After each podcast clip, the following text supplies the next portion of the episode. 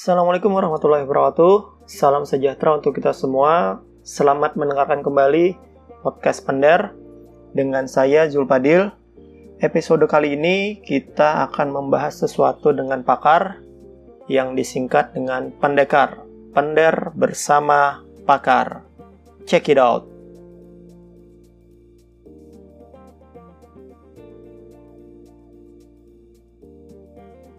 Siang Bu Nova. Siang, Bapak. Oke, hari ini kita membahas tentang kesehatan reproduksi pada remaja dengan ahlinya. Beliau ini ahli di bidang kesehatan reproduksi. Mungkin bisa diperkenalkan lebih lengkapnya. Oke, baik. Terima kasih, Pak eh, Pak Zul. Eh, sebenarnya saya bukan ahlinya, Pak ya. Merendah dia. Iya, tidak. Eh, cuma mungkin kita di sini sama-sama sharing saja mengenai kesehatan reproduksi, terutama untuk remaja. Eh, dengan saya Novalia Widya. Ya itu saja dulu Bapak. Nah, sudah tidak lengkap ternyata ya.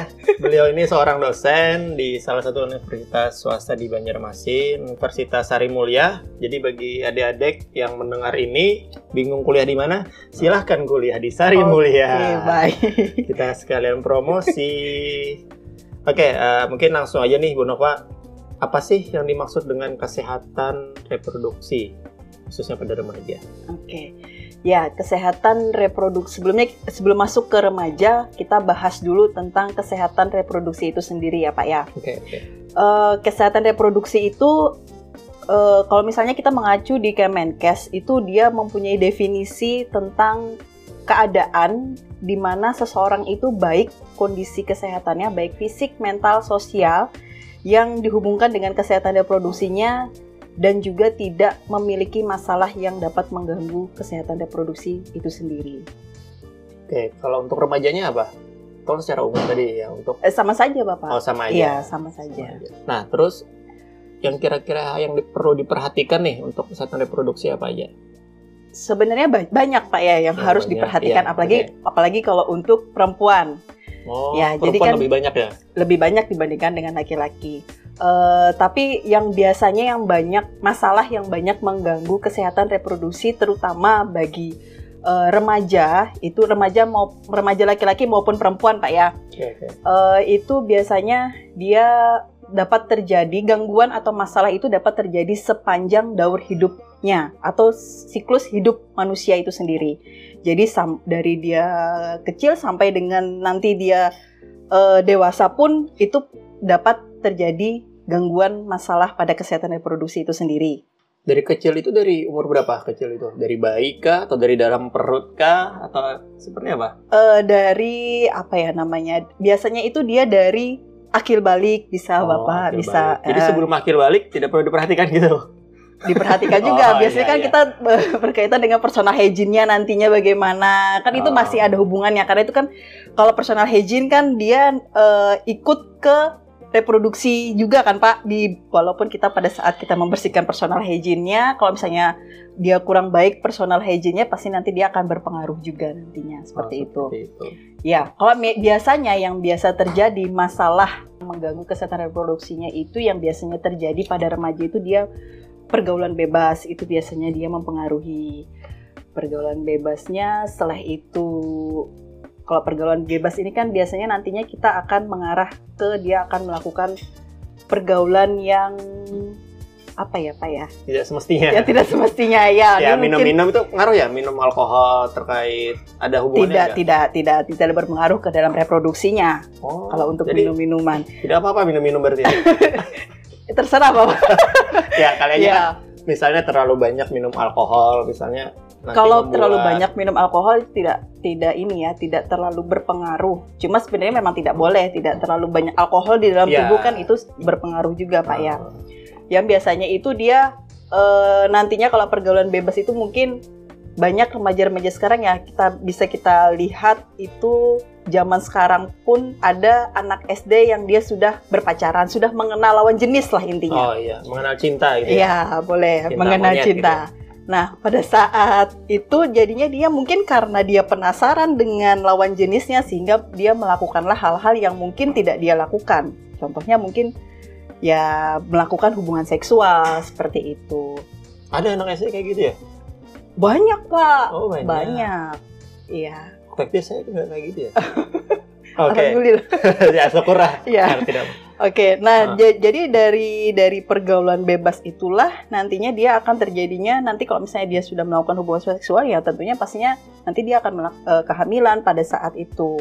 Kehamilannya kan kalau misalnya dia remaja, misalnya dia masih di bawah 20 tahun kan itu artinya kalau dia sudah hamil itu kan organ reproduksinya itu dia belum siap untuk terjadinya kehamilan Oh.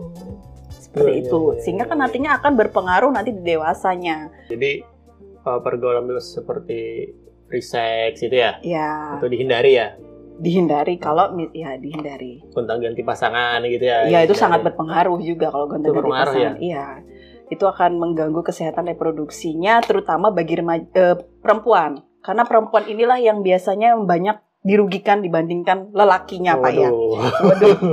Jadi banyak bebannya kalau untuk perempuan. Oh gitu. Dari dia kalau misalnya dia melakukan hubungan seksual eh, apa namanya di pada saat remaja atau pada saat dia belum melakukan pernikahan, berarti kan dia harus misalnya dia hamil, berarti dia harus menanggung bebannya dia hamil. Kalau laki-lakinya kan ya ya bisa kabur. ya bisa kabur. Iya, iya. ya, ya menanggung kan si perempuannya. Nah, itu iya sendiri. iya benar-benar. Padahal dalam kondisi seperti itu organ reproduksinya atau rahimnya itu belum siap dibuahi. Seperti itu. Kalau belum siap itu berarti misalnya nih eh, kejadian dia di 18 tahun eh, hamil, terus itu memungkinkan berarti kondisi bayi itu tidak apa ya, tidak tidak kuat ya di dalam situ dan akan mengganggu ke depannya atau seperti apa? Bisa saja, bisa saja seperti itu. Di mana kalau misalnya eh, rahim itu dia tidak siap untuk dibuahi atau mengalami kehamilan, itu bisa saja nanti akan terjadi akibatnya. Contohnya tadi ada keguguran, setelah itu nanti pada saat dia melahirkan pun nanti mungkin dia ada perdarahan dan sebagainya banyak yang mungkin akan terjadi. Karena kondisi fisiknya lemah ya. Iya, karena itu Dianggap tadi karena dia belum ya siap. belum siap. Makanya kan kalau misalnya sekarang, zaman sekarang itu biasanya pernah mendengar Bapak pernikahan dini sudah pernah mendengar, sudah Iya, pernah iya. mendengar Pak ya pastinya ada filmnya itu, ada filmnya. Oh, ada filmnya, iya, betul. Ah, Nah, biasanya juga eh, pemerintah-pemerintah atau masyarakat itu eh, sekarang kan kita banyak sekali jangan melakukan pernikahan dini. Banyak sekali kan iya, kata-kata benar. yang seperti itu ya Ah. Pak ya. Jangan melakukan pernikahan. Itu karena apa? Itu tadi supaya eh, remaja-remaja ini tunggu siap dulu lah alat reproduksinya sehingga dia boleh hamil. alat dalamnya yang pasti ya. Iya, Kalau iya. luarnya kayaknya siap aja ya. Siap aja. Ya, ya, jadi kondisi kondisi reproduksi di dalam ya yang Iya, yang harus mungkin. dinikahkan. Kalau toh misalnya memang dia ingin menikah walaupun dia masih di bawah 20 tahun kan eh, boleh boleh saja menikah tidak dilarang asalkan mungkin dia bisa menggunakan alat kontrasepsi dulu. Jadi tunggulah dulu sampai so, reproduksinya siap Ya, atau di atas 20 tahun. Nah, itu atau mungkin bolehlah periksa dia. dulu ke ke Boleh, dokter atau boleh. ke bidan Iya. gitu ya tentang konsultasi lah dulu ya. konsultasi Kak, dulu sebelum- konsultasi sebelum tentang kehamilan. Baru kalau misalnya lain. memang seperti itu udah di stop dulu untuk alat kontrasepsinya, Oh, baru dia iya, iya. merencanakan untuk kehamilannya Nah. seperti itu. Kalau merokok itu berpengaruh nggak terhadap organ reproduksi? Kalau merokok Kalau laki-laki kan ada tulisannya tuh merokok dapat menyebabkan ini ini ini. ini. Kalau untuk wanita itu seperti apa? Eh, mungkin itu sama dengan kalau kita eh, ini pak ya, kalau kita minum minuman, minum minuman apa sih minum Alkohol alkohol, itu tadi sama seperti itu kan itu ada zat kalau rokok mungkin nikotin pak ya, Tar mungkin bahaya itu. Oh, iya, Kalau oke. nikotin kan untuk candunya aja, ya. kan tarnya. Nah kalau ke wanita apa tuh? Kalau untuk berpengaruh ke Ke reproduksi organ wanita. reproduksinya, Ah. Yang ada kan biasanya itu kalau tulisan itu gangguan rahim gitu aja. Nah, Oh, apakah iya. gangguan rahim itu ketika rahimnya ada, ada isinya atau sebelum kalau diisi, misalnya dia pada saat juga? kalau pada saat dia hamil tentunya itu akan Iya, berpengaruh bahaya. pada janinnya pak Iya. ya ya eh, karena mungkin ada ya itu tadi ada zat-zat yang mungkin tidak Berbahaya bagus ya tadi. berbahaya buat rahimnya Oke oke. Nah terus untuk menjaga kesehatan reproduksi khususnya wanita kan yang jadi yang kira-kira perlu diperhatikan apa nih Yang- untuk menjaga kesehatan Eh, pada remaja khususnya? yang perlu diperhatikan itu terutama kita sama sih Pak ya dengan yang lain misalnya makanan itu hal-hal yang wajar makanan, setelah itu personal hygiene-nya bagaimana. Sama aja Pak dengan yang yang lain. Oh, Maksudnya dia dia dia, dia menjaga menjaganya sama makanan dan sebagainya itu saja dan dia tidak minum minuman alkohol itu itu. kali aja ada yang yang khusus terkait untuk khusus menjaga cash pro ini Tidak ada, dari Pak. segi daily activity-nya nggak ada. nggak ada. Hmm. Yang penting personal hygiene-nya saja sih yang ini yang perla- yang harus diperhatikan bagi seorang perempuan. Apalagi kalau misalnya kita lagi datang bulan, Pak ya kalau untuk perempuan. Oh, Nah, kalau iya. misalnya nggak pernah perso-. Ah ya, Bapak tidak mengalami ya. ya, mungkin kepada saat dia datang bulan ya personal hygiene-nya harus bagaimana itu yang harus diperhatikan. Pastinya Oh, kan jadi- perempuan pasti punya masing-masing perempuan pasti punya trik sendiri lah bagaimana cara mengatasi ketika dia eh, lagi menstruasi. Itu pasti dia Oh, punya trik tersendiri iya, iya. masing-masing. untuk istilahnya membersihkan diri ya Iya, gitu ya. iya, Nah, dia punya pasti menjaga. punya cara masing-masing bagaimana Oh beda-beda ya tiap wanita ya. Iya, bisa. Saya taunya masih satu wanita soalnya. Oh, Makanya gitu ya. Nanti kalau ada tambahan bisa di. Oke Jangan, kita lanjut aja. Ah, terus gini. Untuk eh, untuk laki-laki mungkin Pak ya. ya untuk laki-laki lagi gimana? Oke, Nah, kalau untuk laki-laki agak, agak simpel ya. Iya, tidak sebanyak perempuan, Pak ya. Hmm. Kalau mungkin kalau untuk laki-laki itu masalah kesehatan reproduksinya itu berkaitan dengan IMS. Sudah pernah dengar IMS toh, Pak? Apa ini? Infeksi menular seksual. Mungkin sudah pernah dengar pastinya. Raja Bapak. singa itu ya? Raja Iya, singa. sejenis itu, Pak. Selain Ya. raja singa apa? Saya taunya itu aja soalnya. Ada lagi yang lain penyakit menular. Ada Banyak ya. banyak, Pak, untuk laki-laki. Nah, itu kan juga pastinya IMS itu namanya infeksi menular seksual kan berarti berhubungan dengan seksual, Pak ya. Berarti menularkannya ketika berhubungan seksual aja. Iya, ketika Oh, berhubungan iya. seksual. Nah, kalau misalnya itu kan berarti kalau pada remaja dan dia belum menikah, berarti kan itu kembali lagi ke pergaulan bebasnya dia. Oh, dari lingkungan sana, ya dari lingkungan mereka bagaimana dia mereka bergaul seperti itu bergonta-ganti pasangan Berat. dan tidak menggunakan alat pengaman nah itu kan Oh. bisa menyebabkan IMS itu penularan IMS itu dengan cepat Berarti kan ruginya ke wanita lagi ya? iya dia kan Iya. akan menularkan lagi ke perempuan Iya. itu nanti dia pindah ke wanita yang lain lagi pacar yang B-nya lagi selingkuhannya dia akan menularkan Oh, lagi seperti kalau itu berhubungan seksual ya. iya kalau misalnya dia berhubungan seksual tapi Nah, kalau dengan pacaran Awal mula terjadi IMS itu pada laki-laki gimana? awal mula ya dengan berhubungan seksual itu tadi maksudnya pak Iya, apakah ada penyakit tertentu bawaan dari misalnya nih dengan pasangan dengan si A nih, Mm-mm. ternyata si A itu eh, ada penyakit, Mm-mm. terus si laki-laki ini menu- mendapatkan tularan dari itu atau seperti apa? Sebenarnya kalau misalnya nih, ini kan jangka panjang Pak. Infeksi menular seksual itu kan dia jangka panjang. Tidak misalnya nih, eh, si A berhubungan seksual eh, kemarin misalnya, terus lusanya dia langsung dapat Oh. infeksi. Tidak kan Pak? Dia itu eh, infeksi menular seksual itu dia jangka panjang. Jadi nanti dia pada saat umur berapa, nanti dia akan terinfeksi itu sendiri karena itu sudah masuk ke dalam tubuhnya. Jadi tidak langsung. Oh, jadi ada masa inkubasi gitu Iya, ya? masa inge- bakterinya. ya, dia jadi berkembang dulu. Jadi ketika nantinya nanti misalnya dia sekarang umur 15 tahun dia sudah berhubungan seksual dengan A, B, C dan dia kan tidak tahu si eh, lawan jenisnya itu apakah dia terinfeksi atau tidak. Nanti di usianya yang 25 tahun atau Baru 30 kerasa ya? tahun, nah itu dia baru ini. Waduh, bahaya. Karena itu inkubasinya kan lama. Oh, jadi tidak serta merta langsung terjadi ya? Tidak. Ya kalian aja kayak cacar kan. Langsung keluar Pak ya. langsung kan. Nah, hari ini Tidak. ketular, lusa bisa ada sudah ciri. Ya, oh, sama mau laki-laki mau perempuan kan Oh, pastinya nanti lama. inkubasinya lama.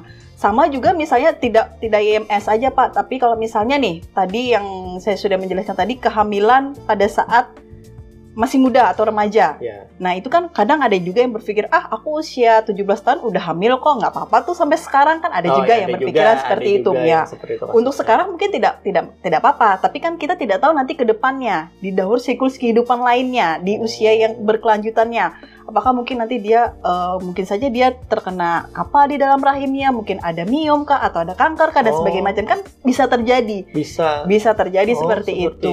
Jadi tidak serta merta ketika tidak langsung ketika itu. Ya, ketika saat ini dia merasa baik-baik saja, tapi ternyata ada kondisi di umur tertentu Iya. yang membuat ternyata gangguan itu berasal dari Iya, berefek dari ya, situ. berefek Iya. dari situ. Oke, Bisa oke. seperti itu. Oh. Mungkin kalau yang langsungnya eh, kalau kehamilan pada remaja tadi yang langsungnya itu yang bisa kita lihat adalah pada saat dia melahirkan nanti dia perdarahan. Oh itu yang nah yang itu mungkin kita bisa ya? terlihat. Oh ini karena mungkin dia belum siap atau segala macam itu Oh tadi. iya iya iya oke oke oke oke.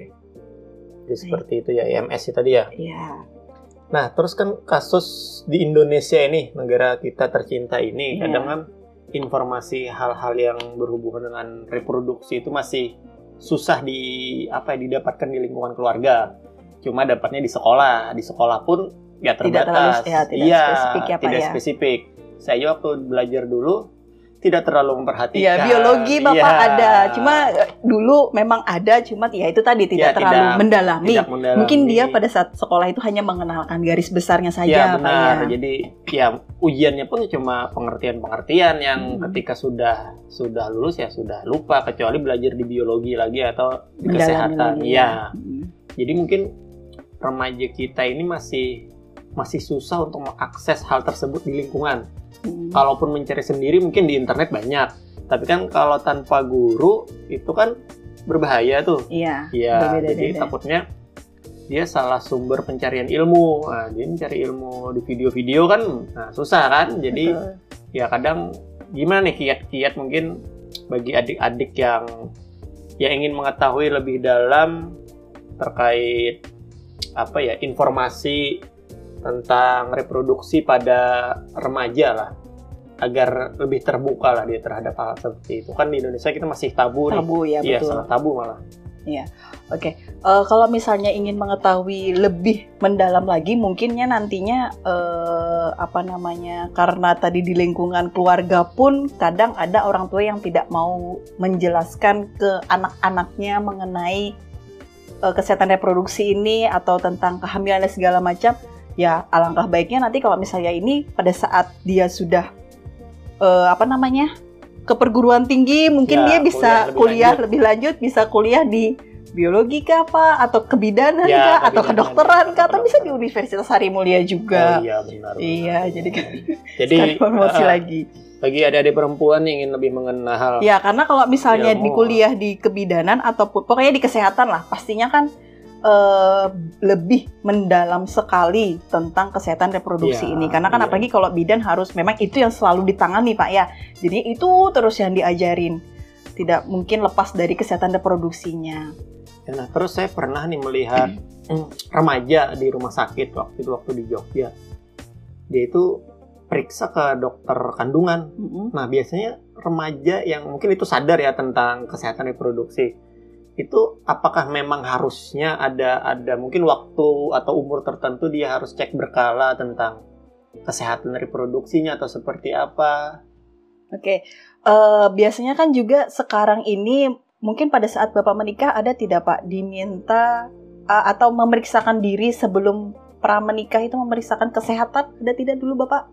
Waktu mau menikah kesehatan calon pengantin perempuan dengan calon pengantin laki-laki tidak mungkin pak ya saya juga tidak, kemarin Iya, Iya. tidak kayaknya. Iya. Tidak. Nah, biasanya itu kadang kan ada sekarang itu alangkah baiknya kalau misalnya orang yang remaja yang sebelum menikah, alangkah baiknya kita harus memeriksakan diri dulu kesehatan reproduksi kita, mau laki-lakinya ataupun mau perempuannya. iya. Tujuannya apa? Mungkin tujuannya eh, agar kita tahu nih, kita nanti menikah itu sehat atau tidak eh, kesehatan Oh, iya, reproduksi iya. kita. Em, kan kita nanti kalau menikah itu kan berpikirnya nanti mau mempunyai anak, Pak ya. Iya, iya. Nah, jadinya kalau misalnya memang oh sehat, eh, luar dalam sehat, laki-laki dan perempuan, berarti kan nanti insya Allah tidak akan tidak kesulitan untuk mendapatkan keturunan dan sebagainya. Mungkin ada pemeriksaan seperti itu. Oh, nah, iya, jadi iya, kan iya. bisa memeriksakan diri. Nah, terus selain itu juga sekarang juga banyak eh, remaja-remaja yang datang ke dokter dok eh, ke dokter ya Pak ya? dokter ya. Iya, ke dokter itu mungkin dia sekarang ada mungkin Bapak pernah dengar imunisasi imunisasi eh, kanker eh, leher rahim, kanker serviks. Mungkin pernah Oh, dengar Bapak. Nah, iya, itu kan sekarang pernah. ada Pak ya, Oh, imunisasi itu. gitu ya? Digalakkan dan itu juga ya? harus diimunisasi itu sebelum lebih bagusnya itu sebelum dia melakukan hubungan seksual. Alangkah bagusnya. Jadi dia harus eh, ke petugas kesehatan atau ke dokter atau ke klinik ke mana yang memang ada fasilitas menyediakan tentang imunisasi tersebut. Jadi dia sadar nih sebelum dia menikah ataupun sebelum dia melakukan kontak seksual dia sudah membetengi diri dia dengan eh, mungkin terhindar dari kanker mulut rahim itu biasanya Oh, kanker serviks iya. biasanya kalau kita sebut Itu satu kali seumur hidup aja untuk wanita ya. iya satu kali Kalau laki-laki ada nggak? Apa laki-laki karena tidak mempunyai serviks pak ya Oh iya sih. Iya, Iya, jadi ya kali mungkin, aja ada istilah lain gitu. Imunisasi apa gitu kan? tidak ada Oh tidak ada. Iya, karena makanya tadi perempuan itu eh, sesuai dengan apa yang sudah Bapak bilang ribet Iya, ya, karena Banyak terlalu ya? banyak organnya mau di luar ataupun mau maupun di dalam. Hmm. Nah, itu tadi karena terlalu banyak bagian-bagian yang harus dirawat untuk perempuan. Nah jadi kira-kira yang perlu diperhatikan apa aja nih?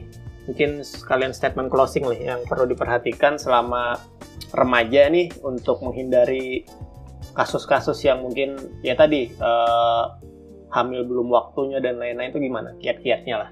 Baik Kiat- itu laki-laki maupun perempuan. Kiat-kiatnya eh, mungkin ini gabungan aja laki-laki dan perempuan. Kiat-kiatnya itu tadi bentengi diri diri dulu. Ya, jadi kita jangan mudah terpengaruh eh, dengan orang lain. Maksudnya maksudnya terpengaruh ini adalah misalnya nih eh, apa namanya? Biasanya lingkungan itu kan sangat berpengaruh, Pak ya. Iya iya. Ya, jadi kalau misalnya lingkungan kita itu apa sih sebutannya ya? Kalau misalnya Masyarakat keluarga apa? eh, lingkungan misalnya lingkungan sekitar kita itu sudah membawakan ke arah yang negatif, jangan sampai kita ikut terjerumus ke arah yang negatif Hmm, seperti iya, itu. iya. Karena kan lingkungan itu sangat berpengaruh karena orang tua itu biasanya hanya bisa memantau di dalam rumah, Pak ya. benar benar. benar. Iya kan? Kalau misalnya dia sudah keluar atau ke sekolah itu kan sudah beralih tangan untuk eh, pemantauannya dan orang tua tuh masih sangat minim untuk memantau kalau ketika dia sudah di luar. Nah, ketika di luar itulah tinggal individua individualnya itulah yang dia harus bisa membentengi diri dia dulu, jangan sampai ikut ke arah yang negatif. Kalau misalnya eh, mungkin pacaran boleh tidak? Ya tergantung Tergantung. saja ya. Mau Iya, pacaran. mau atau pacaran ya. Kalau Iya. misalnya mau pacaran ya mungkin ikutin aturan-aturan yang memang batasan-batasan bagaimana Iya. pacarannya. Ya, jadi jangan dia jangan mudah ikut ke arah yang negatif. Mungkin seperti itu, Bapak. Itu aja ya Bu ya. Iya. Oke. Atau mungkin Bapak bisa menyambung lagi? Ya tidak bisa, saya mengenalinya nanti salah. Kasihan orang yang mendengar kalau saya salah tafsir. Tapi dari- biasanya laki-laki itu, Pak ya, laki-laki itu malah eh, lebih banyak tahu Oh gitu tentang- ya. tentang reproduksi. Biasanya seperti itu. Oh. Saya kok tidak ya?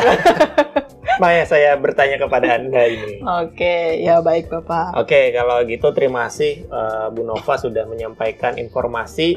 Jadi bagi adik-adik ataupun kawan-kawan yang mendengar tentang kesehatan reproduksi pada podcast ini, silahkan dicermati. Yang pasti tadi hindari hal-hal yang berbau negatif yang kira-kira eh, menjerumuskan Anda untuk mendapatkan penyakit menular gitu ya Iya. baik laki-laki maupun perempuan.